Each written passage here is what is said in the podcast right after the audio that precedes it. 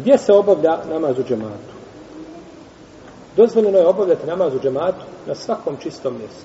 Gdje god je čisto mjesto, dozvoljeno je obavljati namaz u džematu, bilo se radi o kući, o pustinji, planini, o džamiji, gdje god da se obavi, dozvoljeno je. Zbog riječi poslanika, sallallahu alaihi wa sallame, učinjena mi je zemlja čistom i na njoj se može klanjati. Pa koga god kogod dočeka vrijeme namaza na određenom mjestu neka klanja. Gdje god znači čovjek da klanja, to je odlika jedino ome umetu. To nijedan od poslanika nije. Oni su imali posebna mjesta gdje su mogli klanjati.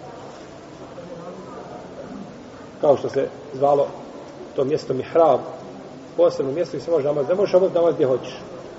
Dok je kod nas zemlja čista i svugdje se može obaviti namaz, volillahi hamdu.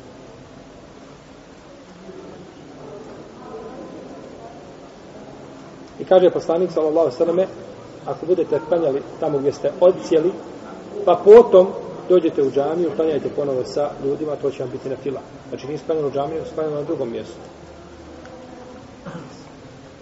No, međutim, namaz u džamiji je bolji nego na drugim mjestima, zato što je džamija Allahove kuće. Sagrađene posebno za ibadet. Stoga imaju veću, veću odliku iako namaz u džematu ostaje namaz u džematu. No, međutim, džamija, kažemo, je nešto šta? Posebno. Poslanik sa osrame kaže, klanjajte u svojim kućama, zaista je namaz čovjek u njegovoj kući bolji od namaza osim propisanog namaza. Misli se u džamiji. Jer to ljudima koji znači dolazi u džamiju.